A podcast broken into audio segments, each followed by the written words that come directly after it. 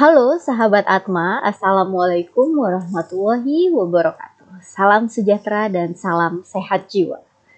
Bersama saya, Elda Trialisa Putri, psikolog klinis Rumah Sakit Jiwa Daerah Atma Husada Mahakam Samarinda yang akan memandu dalam acara Otista, obrolan dan tips isu kesehatan mental. Rumah Sakit Jiwa Atma Husada Mahakam Samarinda.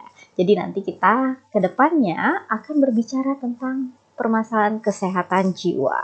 Yang tentunya acara ini disiarkan secara langsung melalui IGTV Rumah Sakit Jiwa Atma Husada Mahakam di rsjd.ahm. Selain itu juga sahabat Atma dapat mendengarkan kembali pembahasan ini melalui Anchor by Spotify dengan kata kunci otista podcast.rsjd.ahm. Oke, sebelumnya saya ucapkan terima kasih untuk sahabat Atma semua yang telah join di IG Live hari ini. Jadi ini merupakan IG Live ketiga di Rumah Sakit Jiwa Atma Husada Mahakam. Nah, dan seperti biasa, jika sahabat Atma ada pertanyaan terkait pembahasan kita hari ini, silahkan menuliskan pertanyaannya di kolom komentar ya. Nah, tema kita hari ini adalah apakah aku depresi? Jadi, perasaan-perasaan tidak nyaman seperti perasaan sedih, marah, murung, putus harapan atau tidak berharga itu pernah dirasakan oleh hampir semua orang. Gitu ya. Dan jika ini berlanjut dan tidak segera ditangani, bisa menyebabkan terjadinya penurunan produktivitas kerja dan juga secara sosial. Jadi bisa juga sampai muncul pikiran-pikiran uh, atau ide-ide bunuh diri seperti itu. Dan gimana nanti penjelasannya? Kita akan membahasnya lebih dalam bersama dokter spesialis jiwa kita atau psikiater andalannya Rumah Sakit Jiwa Atma Husada Mahakam yaitu Dokter Yeni SPKJ. Halo Ibu, Halo. Assalamualaikum. Halo, Waalaikumsalam Mbak Elda. Sel uh, selamat pagi semua sahabat Asma pagi ini. Gimana Bu keadaannya hari ini sehat ya Bu ya? Sehat luar biasa. Alhamdulillah sahabat Atma semua. Oke, kita uh, langsung aja ya Bu diskusi tentang depresi hmm. gitu ya.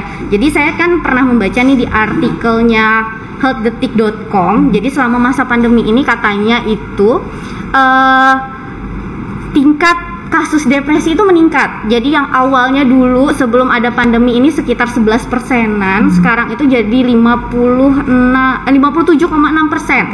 Nah, kenapa ya dok ya bisa sampai meningkat secara drastis seperti itu?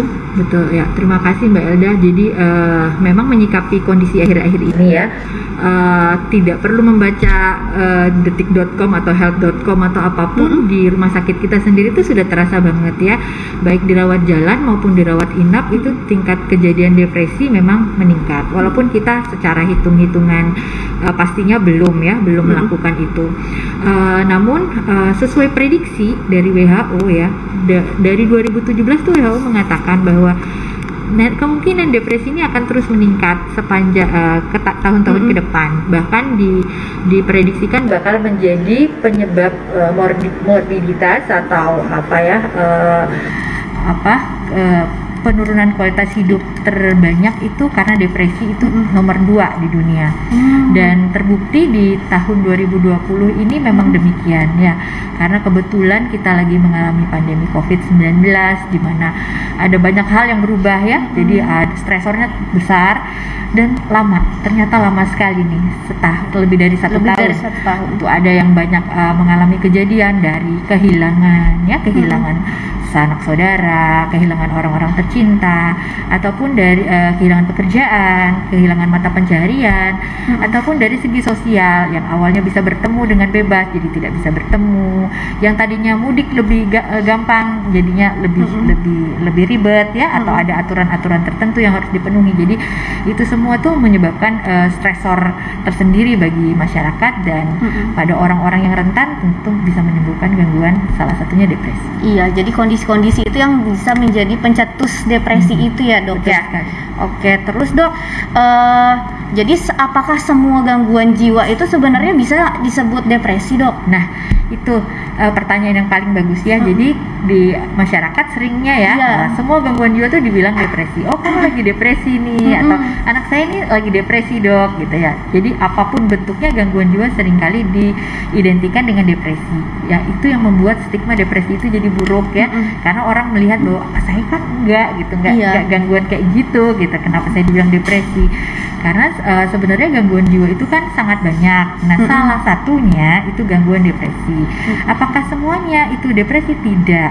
Depresi itu bisa menjadi salah satu gejala, jadi eh, apa simptom gejala atau sudah menjadi disorder atau gangguan tersendiri atau penyakit tersendiri.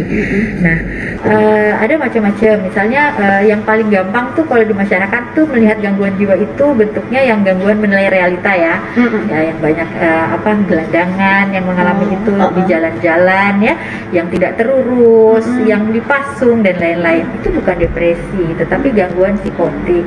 Namun pada depresi yang sangat berat kadang-kadang Mm-mm. bisa muncul gejala psikotik, Psikotik. tapi tidak banyak ya. Mm-mm. Nah, gangguan cemas itu pun bukan depresi, Mm-mm. ya kan? Fobia itu tuh bukan depresi.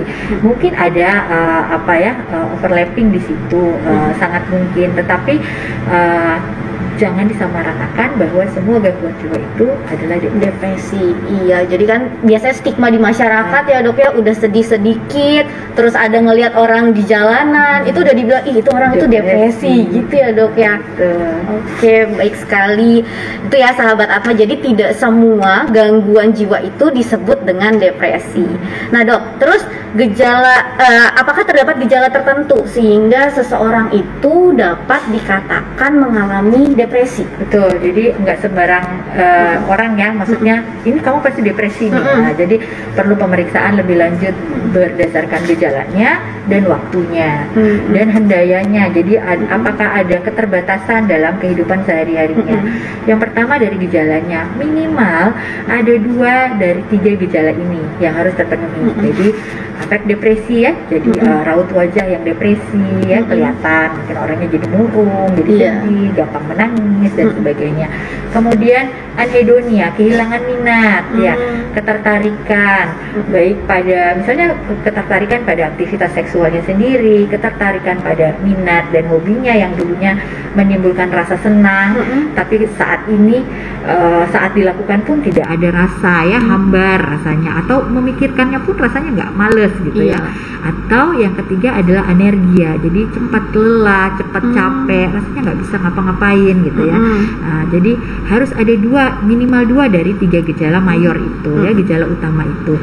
Plus ada ditambah dua gejala tambahan. Hmm. Nah gejala tambahan itu seperti putus asa, rasa pesimis, rasa sendirian, eh, rasa tidak berdaya, kehilangan konsentrasi, kehilangan atensi atau perhatian ya, Hmm. yang sehingga tadi di pembukaan Mbak Elda bilang kinerjanya jadi menurun, terus gangguan tidur, Hmm. bisa kelebihan tidur ya, pengen tidur mulu Iya. atau nggak bisa tidur, atau gangguan makan, pengen makan terus Mm-mm. atau malah nggak mau makan mau ya, atau bahkan yang eh, yang paling yang paling kita harus eh, apa perhatikan eh, atau Mm-mm. waspadai pada orang depresi adalah adanya ide-ide atau keinginan untuk mengakhiri hidup. Nah Hmm. itu jadi dua dari gejala tambahan itu ada plus dua gejala utama itu ada Mm-mm. dan berlangsung minimal dua minggu Mm-mm. dan hal itu menyebabkan hendaya atau gangguan dalam kehidupan sehari-harinya, Mm-mm. di situlah kita bisa katakan orang tersebut mengalami depresi. Depresi. Tapi kalau cuman misalnya aku sedih banget nih Mm-mm. gitu ya, eh, apa itu eh, belum dapat pekerjaan nih Mm-mm. gitu ya, nggak bisa tidur, cuman bilang begitu dan nggak ada gejala lainnya dia masih bisa aktivitas sosial, masih bisa eh, merasakan kesenangan dan lain-lain, kita belum bisa bilang itu depresi. Ya. Mm-mm. Nah, jadi memang depresi ini menurut tadi penjelasan dokter juga nggak bisa langsung disebutkan gitu aja, Mhm. langsung diberikan judgement bahwa orang tersebut mengalami depresi, tapi harus ada pemeriksaan lebih lanjut oleh tenaga profesional begitu dok ya. betul. Dan juga kalau dilihat bahwa ada gejala-gejala yang muncul itu selama dua minggu minimal Minimal dua minggu. minimal dua minggu seperti itu. Nah dok, terus siapa saja sih yang rentan terhadap depresi ini dok? Ada banyak hal ya yang uh, orang-orang yang rentan bisa kita lihat itu uh, ada faktor eksternal dan internalnya Mm-mm. ya. Faktor internal itu dilihat dari masa lalunya ya, bagaimana pola asuhnya dan lain-lain. Kemudian hal-hal itu akhirnya membentuk satu kepribadian tertentu. Misalnya o- orangnya uh, punya kepribadian yang dependen ya, tergantung pada orang lain dan Mm-mm. sebagainya. Ada banyak tuh tipenya. Kemudian uh, jangan lupa juga adanya penyakit-penyakit penyerta ya misalnya orang yang memiliki penyakit kronis ya yang berlangsung lama dengan tingkat keparahan yang eh, apa yang berat. Nah, terus eh, dan stresor-stresor kehidupan. Stresor kehidupan itu yang jelas yang besar.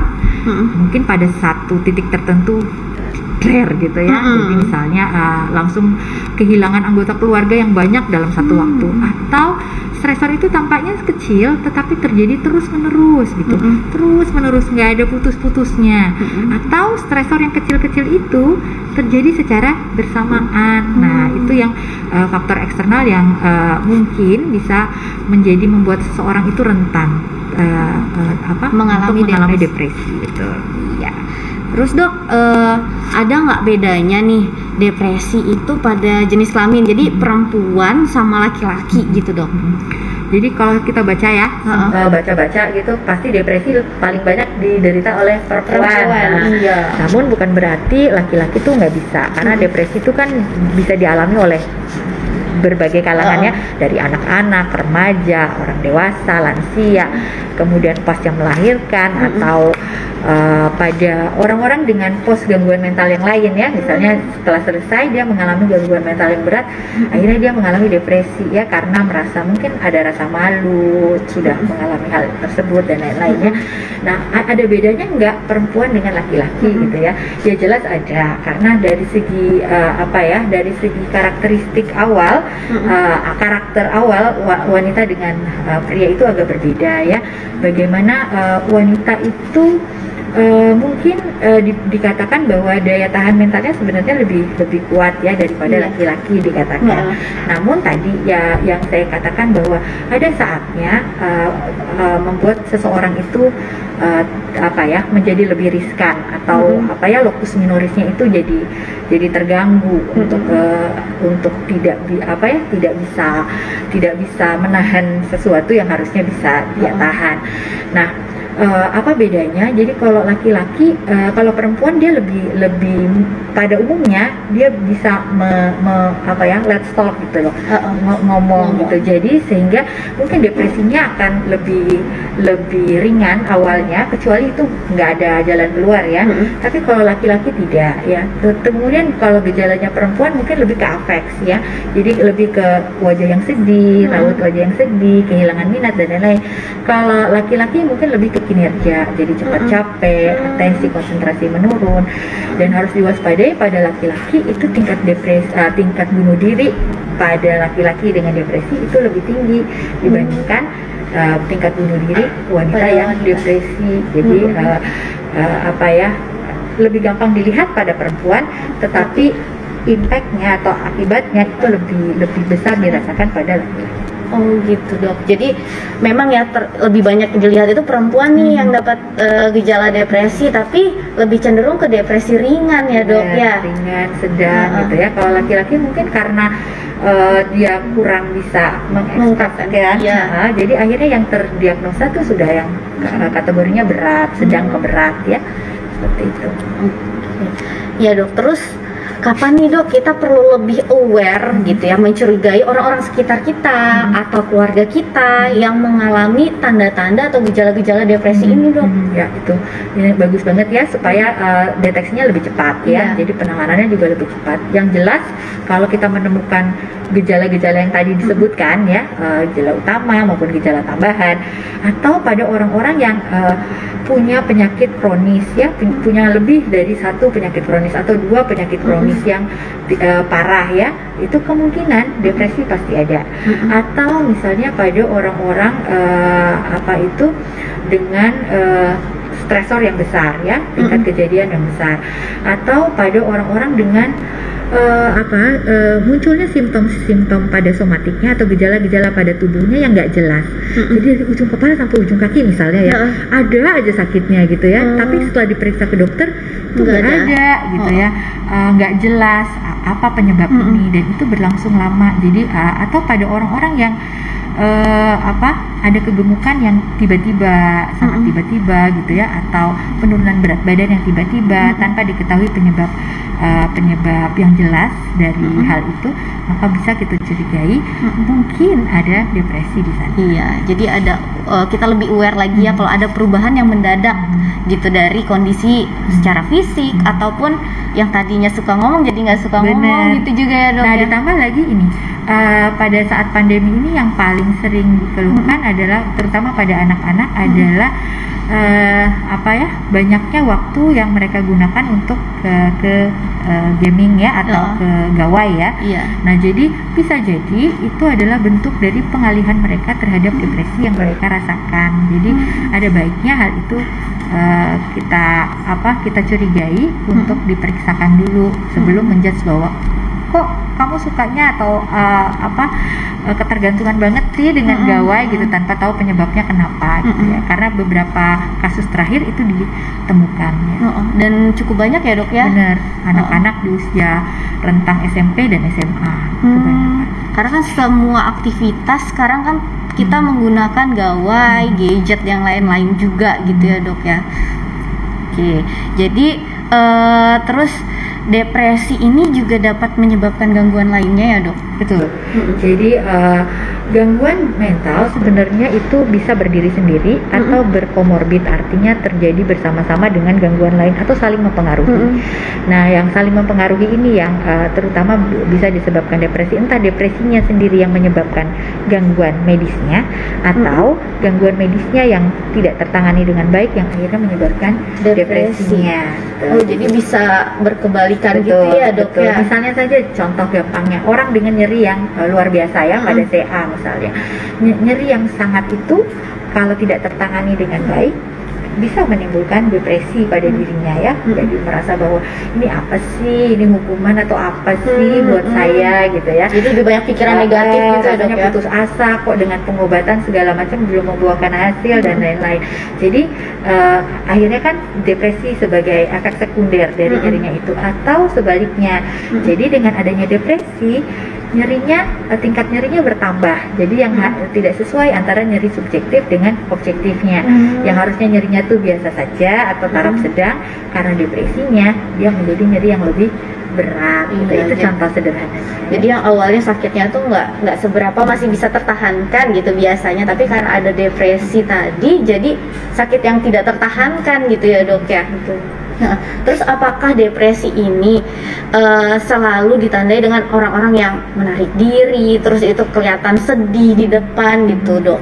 pada umumnya sih begitu ya Mm-mm. pada umumnya namun pada beberapa uh, hal terutama pada anak dan remaja hal itu uh, tidak selalu mengikuti pakem yang ada maksudnya Mm. teori yang ada pada anak-anak atau remaja kadang-kadang dia tidak menunjukkan raut sedih atau Iya. apa pun ya tetapi kebalikannya misalnya menunjukkan perilaku yang menentang Hmm. nakal tanda kutip ya Uh-uh. jadi uh, apa ber- berbuat yang yang yang harusnya tidak dilakukan Hmm. dia lakukan gitu ya atau uh, apa ya uh, melakukan hal-hal yang berbahaya misalnya Hmm. di jalan atau melaku, uh, mencoba sesuatu yang dia sudah tahu itu berbahaya Mm-mm. tetapi uh, untuk mengkompensasi rasa tidak Tidak nyamannya nyaman. itu Mm-mm. maka dia lakukanlah uh, perbuatan itu atau yang paling sering adalah ke arah penggunaan zat ya Mm-mm, untuk me- me- menstimulasi rasa rasa sedih rasa Mm-mm. itu ingin dihilangkan dengan menggunakan zat-zat yang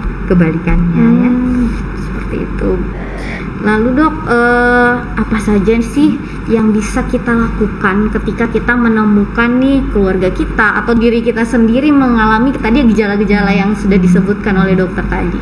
Hal paling mudah adalah kalau kita mengetahui atau mencurigai Mm-mm. uh, hal itu terjadi pada orang terdekat kita adalah satu mencoba menjadi pendengar yang baik undang dia maksudnya undang dia untuk ayo ayo bicara gitu Mm. saya siap untuk menjadi pendengarnya let's Mm-mm. talk gitu ya Mm-mm. tahun berapa itu wa- waktu itu ya untuk uh, uh, Hari Kesehatan Sedunia Dunia. hmm, kan Hmm. itu di, di, dicanangkan WHO kan Iya. untuk mengatasi depresi. Jadi ayo bicara gitu ya. Jadi uh, uh, apa ya menggunakan kata-kata yang uh, sifatnya itu penuh empati. Mm-mm. ya. Jadi bukan berarti menjudge atau menghakimi bahwa kamu kayaknya orangnya kurang bersyukur, kurang apa gitu ya. Seringnya seperti itu ya. Apalagi sih yang harus dipikir, harusnya nggak nggak perlu dipikir hal-hal kecil, Mm-mm. tetapi gunakanlah kata-kata yang uh, saya melihat kamu sedih, saya melihat kamu kayaknya pikirannya berat. Mungkin ada Mm-mm. yang bisa uh, kamu share atau kamu bagikan untuk uh, dikatakan pada saya. Saya siap untuk menjadi pendengar yang baik. Mungkin kita nggak punya solusi, tapi dengan mendengarkan itu itu Mm-mm. sangat membantu Mm-mm. uh, si penderita itu sendiri. Nah, kalau itu kita anggap sudah sangat uh, apa ya derajatnya sudah sudah mengkhawatirkan lah ya, Mm-mm. sedang berat itu dan kita tidak bisa tangani, maka sebaiknya segeralah uh, bawa ke uh, profesional ya, Mm-mm. ke tenaga kesehatan terdekat ya. Ya, jadi bisa ke psikiater atau Mhm. juga ke Ke psikolog psikolog, klinis, ya. ya. Seperti itu. Nah, ini Dok ada pertanyaan dari eh, dari siapa nih? Halifa. Alifa. Kalau kita tidak bisa keluar dari sumber depresi kita, apa yang harus kita lakukan, Dok? Oke, terima kasih Halifa. Jadi seperti yang tadi saya dan Mbak Elda bicarakan bahwa ayo bicara gitu. Carilah orang yang terpercaya untuk Halifa ya. Cari orang terpercaya bisa itu orang tua ataupun sahabat atau apa pun yang jelas yang kamu tahu persis bahwa itu bisa kamu percaya. Tapi kalau seandainya itu nggak ada, maka kamu bisa men- eh, keluarlah untuk mencari pertolongan ya menghubungi dokter, psikolog ya psikiater untuk eh, untuk me- ini memeriksakan dirimu. Jadi eh, kalau kamu punya eh, orang yang terpercaya itu di awal-awal kamu bisa ya mengatakan itu, meminta mereka untuk mendengarkan, walaupun mungkin mereka tidak bisa punya solusi untukmu, tetapi dengan berbicara maka kamu bisa tahu dari awal sampai akhir runutan masalahmu sendiri. Jadi kadang-kadang kita tuh eh, kalau berpikir ya tanpa bicara itu kayak benang kusut tuh. Eh, cuman eh, part-partnya saja yang kita pikirkan ya. Tapi saat kita berbicara, misalnya saya bicara dengan Mbak Elda, Mbak Elda aku ini rasanya sedih banget karena eh, berapa hari yang lalu aku tuh mengalami ini, kemudian terjadi ini, aku merasa ini, itu runut ya. Iya. Jadi akhirnya ketemu benang merahnya yang saya pun saya sendiri pun sebagai yang merasakan itu mendengar ya, mengerti. Oh ternyata ini ya yang saya rasakan gitu ya. Mhm. Jadi eh, bicara itu sangat penting ya, tapi harus dengan orang yang bisa Percaya dipercaya gitu ya, Iya. Nah, Dok, berarti ketika kita berbicara itu bisa menimbulkan insight untuk diri kita sendiri ya, Dok ya. Betul betul sekali ya. Jadi- luar biasa banget ya walaupun eh, mungkin sebagian orang mikir bahwa ini nanti eh, ini akan diceritakan lagi ke orang lain mungkin itu ada aibnya sendiri kayak gitu tapi sebenarnya itu penting ya dok ya penting. Heeh. Jadi eh, eh, itulah gunanya kenapa kita memilih orang yang tepat Mm-mm. ya agar tidak terjadi masalah untuk mengatasi masalah ya. Iya, jadi seperti itu. Jangan biarkan itu terjadi. Jadi harus pilih orang yang tepat. Kalau kamu tidak yakin, maka datanglah ke profesional karena eh, seorang profesional itu punya sumpah janji untuk melindungi apa pun yang eh, dikatakan oleh pasiennya. Jadi keraguan atau ketakutan itu tidak, eh, insya Allah tidak akan terjadi. Ya. Nah, jadi sahabat Atma semua bisa konsul juga kalau mau datang ke tenaga profesional ke Rumah Sakit Jiwa daerah Atma betul. Husada Makam Samarinda Betul. aja. Karena banyak banget di sini psikiaternya banyak dan semuanya profesional dan juga senior. Lalu juga sudah ada juga psikolog ada, klinis. banyak. Ya, alhamdulillah ya Bu ya. Nah, ada pertanyaan lanjutan nih Bu dari penonton kita yaitu dari Syahrial. Ini Pak Syahrial ya kayaknya ya. Pertanyaannya nih, apakah penyakit depresi merupakan penyakit genetik, Ah, Bu? Ya, benar. Jadi eh, di- dikatakan apakah merupakan penyakit genetik juga tidak, tetapi salah satu yang rentan, nah Mm-mm. tadi ya mungkin terlewat ya tadi Iya. ya, salah satu yang rentan mengalami depresi adalah yang memiliki faktor genetik itu. Mm. Kenapa? Jadi kecenderungannya cukup besar. Mm-mm. Bayangkan diasuh oleh eh, orang tua yang memiliki uh, depresi, Depresi. ya jadi kecenderungan untuk terbentuknya kepribadian dan Mm-mm. lain-lain yang mengarah ke sana Mm-mm. itu sangat besar. Mm-mm. Namun uh, dari penelitian memang dikatakan bahwa uh, orang tua yang depresi itu uh, anaknya yang di- Mm-mm. yang uh, memiliki kecenderungan lebih tinggi daripada uh, anak yang dilahirkan dari orang tua yang tidak depresi atau Mm-mm. yang kom- kembar monozigot itu Mm-mm. punya kecenderungan lebih besar daripada uh, uh, yang tidak ya yang Iya. heterozigot atau yang hanya bersaudara. Jadi Mm-mm. misalnya dalam penelitian itu dikatakan bahwa dia kembar terus lingkungannya dipisah.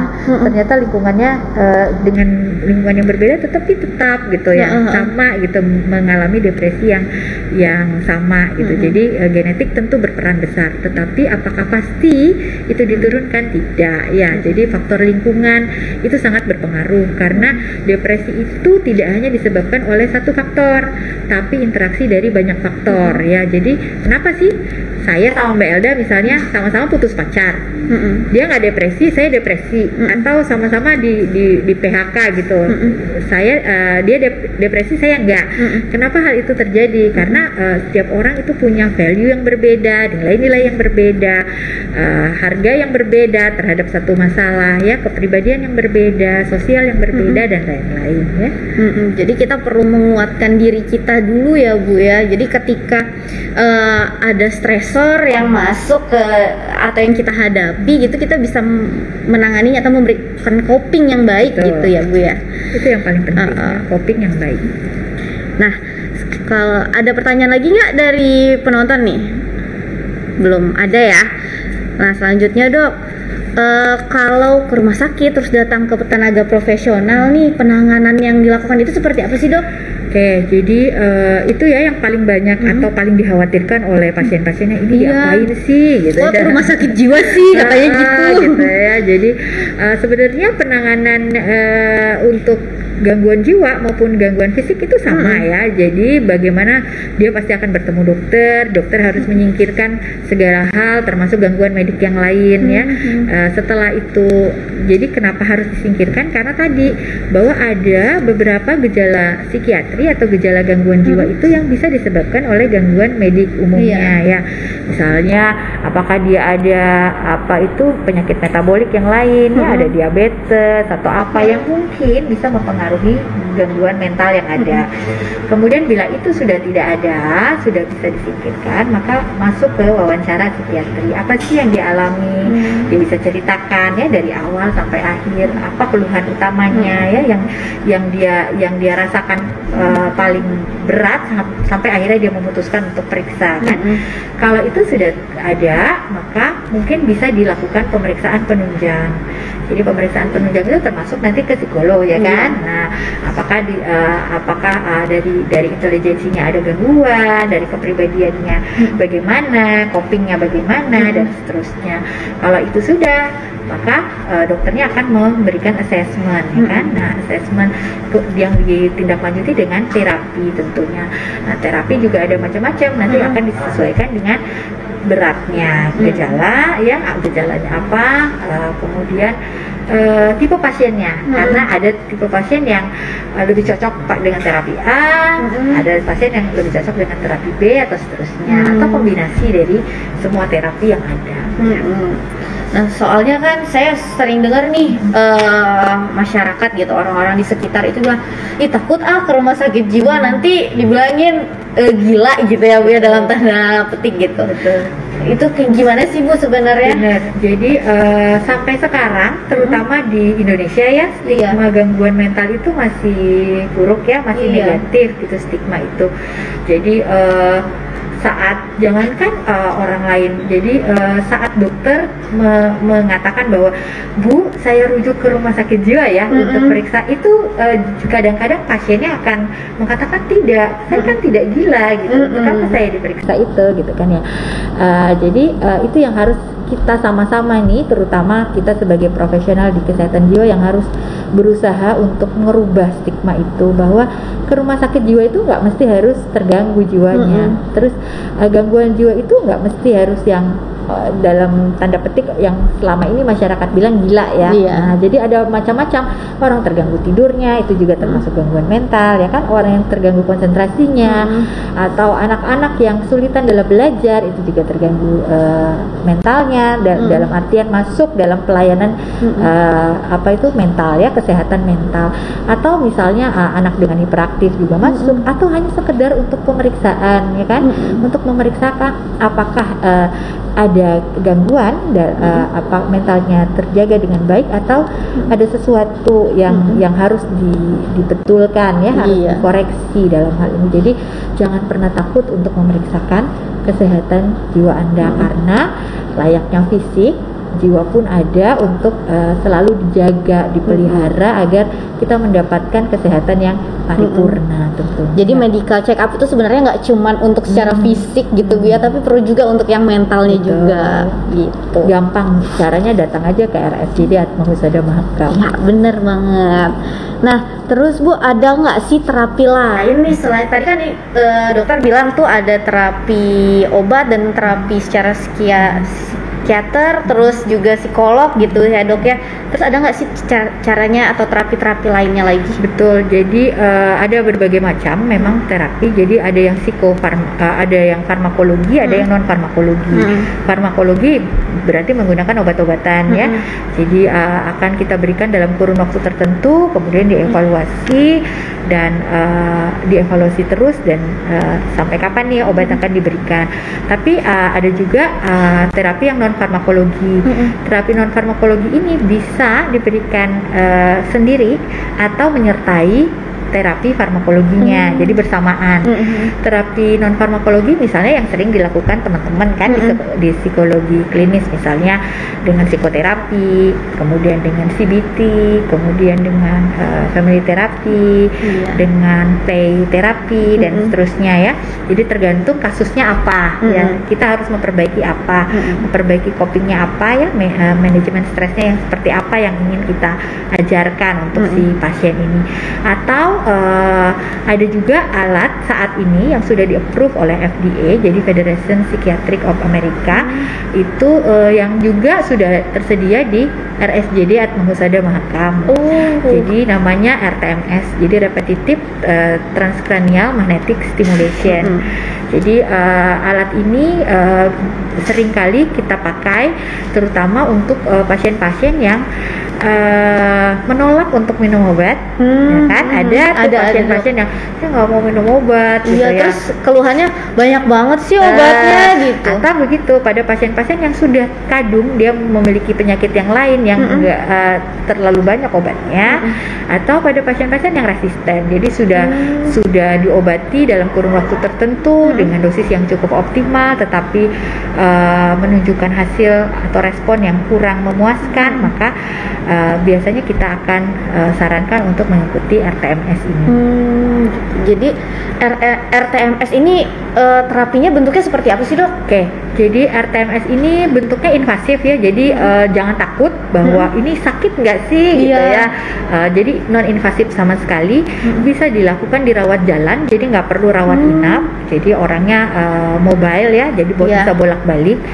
Kemudian eh, dia menggunakan eh, mekanisme neurofisiologi, jadi Hmm. eh, eh, menginduksi eh, medan magnet ya, eh, jadi menggunakan medan magnet untuk mengindus eh, area otak tertentu yang Hmm. kita eh, sesuai dengan diagnosanya nanti dalam hal ini depresi ya. Mm-mm. Jadi di area otak tertentu yang ingin kita stimulasi agar eh, respon yang yang ada, misalnya jadi apa itu anhedonia aja, Iya. kehilangan minat, Iya. akhirnya orangnya bisa tersti- terstimulasi. Mm-mm. Jadi nanti teman-teman psikolog klinis juga lebih mudah dalam Mm-mm. memberikan terapi-terapi yang lain karena eh, neuron-neuronnya tuh lebih mudah terangsang untuk menerima Hmm. apa pun yang diberikan. gitu. Dan ini sudah tercover oleh BPJS ya, tercover Oh. oleh eh, asuransi kesehatan nasional. Hmm. Jadi nggak usah takut mahal. Hmm. Jadi kalau misalnya Hmm. anda atau sahabat Atma nih udah punya BPJS, bisa nih Hmm. memeriksakan dirinya ke sini dan juga dilakukan penanganan menggunakan RTMS Hmm. ini. Sesuai indikasi tentunya. Iya. Nah lalu bu, eh, kasus-kasus seperti apa sih yang bisa digunakan dengan menggunakan RTMS ini? Ya tadi seperti yang saya katakan terutama pada uh, resisten depresi ya. Hmm. Jadi depresi yang tidak apa tidak responsif terhadap dua obat minimalnya lebih dari dua antidepresan Mm-mm. yang sudah kita evaluasi selama um, 4 sampai 6 minggu. Jadi uh, uh, apa responnya kurang baik ataupun itu tadi pada pasien-pasien dengan uh, gangguan selain depresi uh, atau pada pasien-pasien dengan ketidakpatuhan dalam pengobatan. Hmm. Jadi minum obatnya tuh suka lupa-lupa Mm-mm. atau uh, kurang apa ya uh, pada pasien-pasien tertentu tuh kadang ngerasa cemasnya muncul bahwa saya nggak mau minum obat dok nanti keterusan Oh, gitu oh. ya nanti uh, Nanti saya- ketergantungan Benar, gitu, gitu ya ya. padahal sudah dijelaskan bahwa tidak ada istilah ketergantungan di sini Hmm. karena ini adalah kebutuhan untuk uh, apa memperbaiki ya me- me- meminimalisir uh, apa meminimalisir gejalanya ya menghilangkan gejalanya memperbaiki kualitas hidupnya Hmm. sampai itu terpenuhi baru kita akan turunkan perlahan dan berhenti obat namun Hmm. pada beberapa pasien kadang-kadang itu sulit untuk Hmm. di di apa diedukasi seperti Hmm. itu maka kita bisa sarankan untuk pasien mengikuti sesi dalam RTMS, RTMS ya. gitu. Jadi ini eh, biasanya kalau misalnya pada kasus-kasus depresi yang sudah dokter pernah tangani nih, RTMS ini dilakukan selama berapa lama sih dok? Uh, uh, kali sela- ini RTMS sebenarnya sudah mulai kita jalankan di RSJD Atma Husada itu sejak 2019 ya 2019 akhir.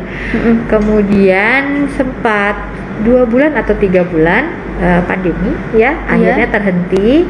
Dan ini kita mulai lagi dengan protokol yang ketat. Tentu Hmm. dengan apa itu pasien yang terbatas setiap harinya dan tidak bisa setiap hari terpaksa ya. Jadi Hmm. ada waktu untuk mensterilkan ruangan. Hmm. besoknya baru dilakukan kembali. Jadi memang belum bisa maksimal banget untuk penerimaan pasien.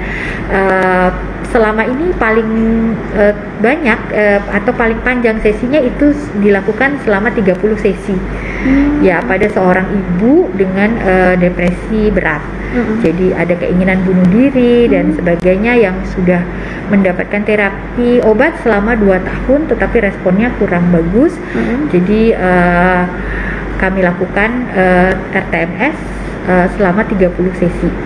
Jadi seminggu dua kali. Oh, seminggu dua kali. Hmm, Jadi untungnya pasiennya kooperatif untuk melakukan itu dan hasilnya cukup memuaskan. Mm-mm. Kemudian juga pada pasien-pasien eh, anak remaja. Mm-mm. Eh, jadi eh, pasien-pasien anak remaja di mana tingkat kooperatifan untuk minum obat itu sulit ya. Mm-mm. Jadi akhirnya eh, mulai kita berikan eh, RTMS. Dan yang terakhir ini yang sudah selesai terapi adalah pasien dengan eh, depresi selama pandemi COVID ya. Hmm. Kebetulan eh, pasien itu mengalami kehilangan yang tiba-tiba suaminya meninggal karena Hmm. COVID. Jadi eh, depresi dengan penurunan fungsi kognitif ya. Eh, jadi suka lupa ya Eh, seperti demensia tampak seperti demensia padahal bukan Mm-mm. jadi eh, karena keinginan anak-anaknya jadi mengkombinasi antara terapi farmakologi dengan RTMS dan itu hasilnya bagus banget ya. Jadi cepat banget eh, responnya Jadi recovery-nya jauh lebih cepat benar ya dok benar, ya. recovery-nya lebih cepat Mm-mm. Menarik sekali ya sahabat Atma bahasan kita pada kali ini. Ini merupakan kali ketiga gitu eh, Rumah Sakit Jiwa Atma Husada melaksanakan IG Live dan juga ini akan disiarkan juga melalui podcast di Anchor by Spotify di RSJD underscore AHM. Nah dokter terima kasih banyak dokter. Sama-sama. Ya nggak kerasa banget udah lebih dari 30 menit kita membersamai sahabat Atma semuanya dan sahabat Atma yang berbahagia demikianlah kita telah ikuti bersama pembahasan yang sangat menarik ini dengan tema apakah aku depresi? Tadi sudah juga dijelaskan apa itu depresi bagaimana penanganannya dan juga ayo sahabat Atma yang eh, mendapati gejala-gejala yang tadi sudah disebutkan gejala utama dan eh, gejala penyertanya bisa lebih aware terhadap dirinya dan jika tidak bisa tertangani sendiri segeralah datang ke tenaga profesional dan itu bisa datang ke rumah sakit jiwa daerah Atma Husada Mahakam. Nah, jadi jangan takut ya untuk datang ke rumah sakit jiwa karena sama kok kita menjaga kesehatan Betul. fisik itu sama dengan menjaga kesehatan mental. Dan juga eh, tentunya rumah sakit jiwa akan selalu siap melayani Anda dengan hati. Jadi untuk info lebih lanjut, pengen tanya-tanya dulu nih gitu ya tentang RTMS itu apa sih gitu. Terus penanganan yang ada di rumah sakit jiwa ada apa aja kliniknya gitu. Itu bisa melalu- eh, menghubungi kami melalui hotline di WA di nomor 0811 587 8787. Jadi akhir kata saya Elda dan juga Dokter Yeni pamit undur diri. Jika ada salah kata selama eh, live ini berlangsung atau ada yang kurang berkenan, kami ucapkan mohon maaf sebesar-besarnya. Sampai jumpa lagi di lain waktu. Salam sehat jiwa. Salam.